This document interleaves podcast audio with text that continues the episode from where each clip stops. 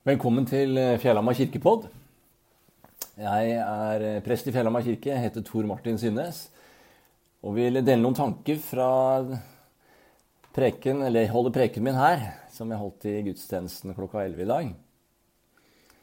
I dag hadde vi mm, høsttakkefest og Sankt Laurentius-dag i Fjellhamar kirke. Og det var veldig mye pynta veldig flott med gode ting fra naturen, eh, fra maten vi får fra jorda. Grønt og grønnsaker og bær og masse fint. Masse fine farger. Og Høstetakkefest det har vi feira i lange tider i kirka vår. Hvor vi takker for jorda, som Gud har gitt oss. Og alt den gir oss av godt som vi kan leve av, glede oss over og nyte. Og som vi er helt avhengig av, og som har jobbet hardt for å skaffe oss også. Det kommer stadig nye ting å oppdage. Jeg har oppdaga søtpotet de siste fem-seks åra. Uh, utrolig godt. Søtpotetmos uh, spiste jeg her om dagen. Og, og de kan også lage pommes frites. Uh, kan få det på McDonald's bl.a. Mm, det er sykt godt. Så hadde jeg med det får jeg ikke vist deg her, jeg hadde med tre poser mat. For å bidra til høsttakkefesten. Tre bæreposer som jeg bar inn. Og så tok jeg eh, og skulle bli kvitt en av de, og tok Elle Melle, Elle Melle Disi, du har fiser. Og så tok jeg den, den posen og eh, putta den i søppelbøtta som jeg hadde med meg. For det er eh, sånn vi gjør i Norge, ja, i den rike delen av verden. Vi kaster hver tredje pose med mat. Så da tenkte jeg det er like greit å gjøre det med en gang. Så jeg vet hva jeg har å lage mat av i de to andre posene, og kose meg med. Det er jo helt galskap å tenke på hvor mye mat som kastes. En tredjedel av all mat skal det visstnok være. Jeg leste også at det er snakk om svimlende 51 tonn hvert eneste sekund kastes i hele verden til sammen. Dette er jo ikke bra. For det første så bryter det ned respekten for jorda, vårt felles livsgrunnlag, matfatet vårt. Det er en gave moder jord gir oss. Å kaste den i søpla, søpla det er et hån mot moder jord. Og mot den sammenhengen vi står i med resten av naturen og skaperverk. Og det er da også et hån mot Gud, som har skapt jorda og gitt den til oss, at vi skal leve av den og med den og forvalte den. Dernest så er det jo et problem å hive så mye mat at så mange mennesker sulter i verden. Og de har under pandemien blitt ja, er det ikke 150 millioner flere som sulter. Men for det tredje så er det også et stort problem at mat kastes. Fordi produksjon av mat er den største enkeltbidragsyteren til klimakrisa og naturkrisa. For det er fordi at matproduksjonen den beslaglegger enormt store landarealer. Den krever masse vann. Og den medfører jo enorme mengder med transport og reiser. Og når vi da kaster en tredjedel, så belaster vi klimaet og naturen så ekstremt mye, noe som bare blir til søppel, og igjen belaster naturen.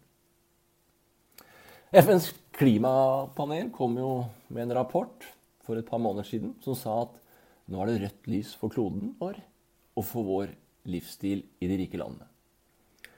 En norsk forsker, Samset heter han, som er med i klimapanelet og har vært med å lage rapporten, han sa, leste jeg av magasinet, at det er så mange tegn nå som gjør at det virkelig løser rødt.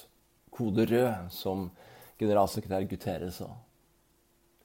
Men det som gjorde Samset mest rolig, var ikke først og fremst at det ble varmere med mer ekstremvær og, og de tingene. Det han frykter mest, er hva som skjer etter det. Konsekvensen av det. Hvis matproduksjonen kollapser. Mer eller mindre. Når vi må dele halv, altså kanskje bare halvparten av maten som skal deles på stadig flere mennesker Konsekvensene av hva som skjer da, det kan føre til mye vondt. Løsningen er litt forenkla sagt at den posen jeg putta i søpla, den må opp av søpla. Og det er altså det glade budskapet i dag. Vi er heldige fordi vi kan være med og bety en stor forskjell. Du og jeg. Vi kan være med og redde verden. Mange i dag kan si at de mangler noe å leve for, og være med på noe viktig. I kirka kan vi gi deg det.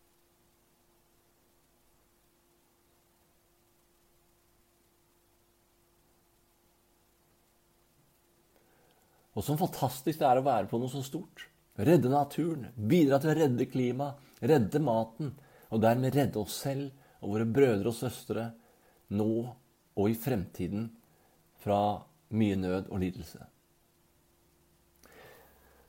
Jeg var ungdom på 80-tallet. Da var det en stor hungersnød i Etiopia. Det ser ut som det er en ny på gang nå, dessverre. Men den på 80-tallet den gjorde at Bob Geldorf fikk med seg kjente artister på Live Aid. Det var konserter, ikke minst, hvor alle inntektene gikk til å redde verden. We Are The World var kjenningslåta vi alle sang på i de tider. Og Poenget i sangen var at det er vi, du og jeg, som kan gjøre noe som kan skape en bedre fremtid. We are the ones to make a better world, so let's start giving.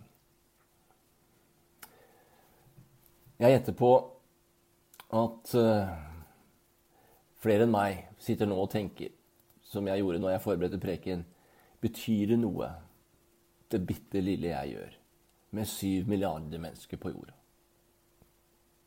Og i politikken og i, i valget nå så stilte man spørsmålet Er det noen vits at bitte lille Norge blir verdensmester i bistand eller grønne tiltak?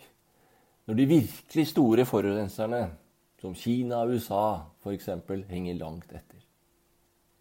For det er virkelig en dråpe i havet om akkurat jeg eller du ikke kaster mat. I bibelteksten i dag så møtte vi Jesus på reise opp til Jerusalem.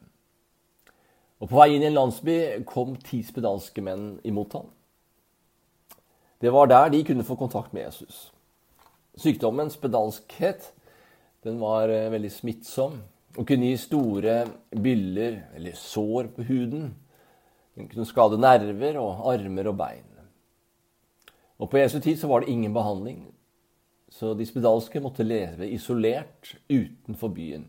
Uten mulighet til å delta i det sosiale livet, med å treffe familie, treffe venner, gå på skole ha en jobb inne i landsbyen. De var i permanent karantene eller utstøtt. Uten medisin og en sykdom som kunne og ga mange plager. Så Derfor gikk de spedalske imot ham før han gikk inn i landsbyen. For hadde han gått inn i landsbyen, var det for seint. De sto langt unna og ropte 'Kyrie eleison' hvis de hadde snakket gresk. De ropte 'Jesus, mester, ha barmhjertighet med oss'. Så står det som jeg syns er den fineste setningen i, i, teksten. Det står at Jesus så dem. Og jeg tror det er der all hjelp starter. At vi får øye på behovet, at vi får øye på smerten, lidelsen og nøden. Bob Geldorf hadde på 80-tallet sett noe som berørte han. Han hadde sett nøden, som gjorde at han da ville hjelpe, eller han måtte hjelpe. Har du og jeg sett nøden rundt oss i dag, der vi bor, ute i den store verden? Ser vi det? Ser vi det Jesus hadde sett, om vi fikk se med hans øyne? Laurentius, som vi også snakker om i dag, han så med Jesu øyne når han var jobba som diakon, omsorgsarbeider, på 200-tallet i kirka. Og Han jobbet da særlig med de fattige og tok vare på kirkens skatter, bl.a. Keiseren krevde at kirken skulle gi alle pengene til ham, for han trengte det til han skulle vel bygge noe stort og flott. Eh, Laurentius ba han om tre dager, og det fikk han. De tre dagene så fortelles det at Laurentius gikk rundt og delte ut kirkens penger, eiendeler, skatter til de fattige.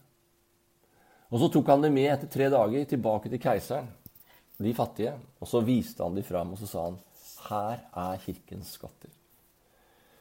Keiseren ble rasende, og det fortelles at Laurentius ble stekt levende på en rist. Derfor holder Laurentius en, en rist i hånda. For denne måten å dø på, martyrdøden hans, så ble Laurentius en helgen og et forbilde for mange. På Jesu ord så ble alle de, spedalske, de ti spedalske friske. Men så fortelles det at bare én kom tilbake for å takke. Han takket Gud høylytt og kastet seg ned for Jesu føtter, står det. De ni andre kom ikke tilbake og takket. Kun en samaritan kom tilbake og ga Gud æren. Men var det noe vits i det, da? At han samaritanen som den eneste kom tilbake og takket? De andre gjorde det ikke, og sparte seg en del bry med det. Hva hjelp er det om én av ti eller én av hundre for den slags skyld viser takknemlighet når resten ikke gjør det? For det første så fikk denne samaritanen som kom tilbake og takket, han fikk anerkjennelse av Jesus. Ja, han fikk vite at hans tro, uttrykt i takknemligheten og i å gi Gud æren, den troen frelste han. Den satte han i et rett forhold til Gud. Så det var en god grunn til å gjøre det selv om han var den eneste. Det var godt og rett overfor Gud, og det var godt og rett overfor han selv. Å takke Jesus for helbredelsen som forandret livet hans totalt, og gi Gud æren, det var å gjøre det rette. Og da betyr det ikke noe hva de andre gjør. Vi må alle gjøre det som vi mener er rett, uten å tenke om det er noe vits i hvis ikke mange gjør det. Og det er i mange ting det eneste vi kan gjøre og påvirke, hva vi selv gjør og sier i gitte situasjoner. Hva andre sier og gjør, det rår vi ikke med. Den takknemlige samaritanen er det blitt fortalt om i hele verden. Han er blitt et eksempel som har nådd ut til utrolig mange mennesker gjennom at vi kan lese om han i Bibelen. I 2000 år har fortellingen om den takknemlige samaritan blitt lest av utallige mennesker. At han kom tilbake og gjorde det, har blitt et, eksempel for utrolig mange. Inspirert mange til takknemlighet. Så la oss ta opp posen av søpla med mat. La oss bidra med vårt for å stoppe kasting av mat, f.eks. som det vi snakker om i dag. Jeg vil gjøre mitt så godt jeg kan, fordi det er rett og godt. Og det er den beste måten matsvinnet kan stoppe, og det er utrolig viktig. Én bærepose av gangen. Og til sammen så kan det bli utrolig mye. Vi er rett og slett heldige som får muligheten til å være med og redde verden. Mer himmel på jord er visjonen til kirka vår. Det var det Jesus gjorde når han levde her nede. Han brakte mer himmel til jord. Og det er det vi som Jesu venner skal få være med å gjøre. Det betyr både å komme til Jesus selv, fordi han æren og takke han for hans nåde og kjærlighet til meg. Og det betyr også å ta matposen opp av søpla. Det dobbelte kjærlighetsbud blir, eh, er ofte sagt som en måte som sammenfatter kjernen i den kristne troa. Om å elske Gud og si neste som seg selv. I dag kan vi si å elske seg selv, det er å glede seg over og nyte maten. Å elske sin neste, det er å ta vare på maten og dele den, så vi alle får nok. Å elske Gud er å takke for maten. Og alt det gode han gir oss, i naturen og i skaperverket, og for Hans nåde og kjærlighet. For takknemligheten setter oss i et rett forhold til Gud, til hverandre og naturen. Les gjerne Edvards Hoem salme 'Nå stig vår sang' om takken til Gud til slutt. Vi sang den etter preken. Herren velsigne deg og bevare deg. Herren la sitt ansikt lyse over deg og være deg nådig. Herren løfte sitt åsyn på deg og gi deg fred. Ha en god dag videre.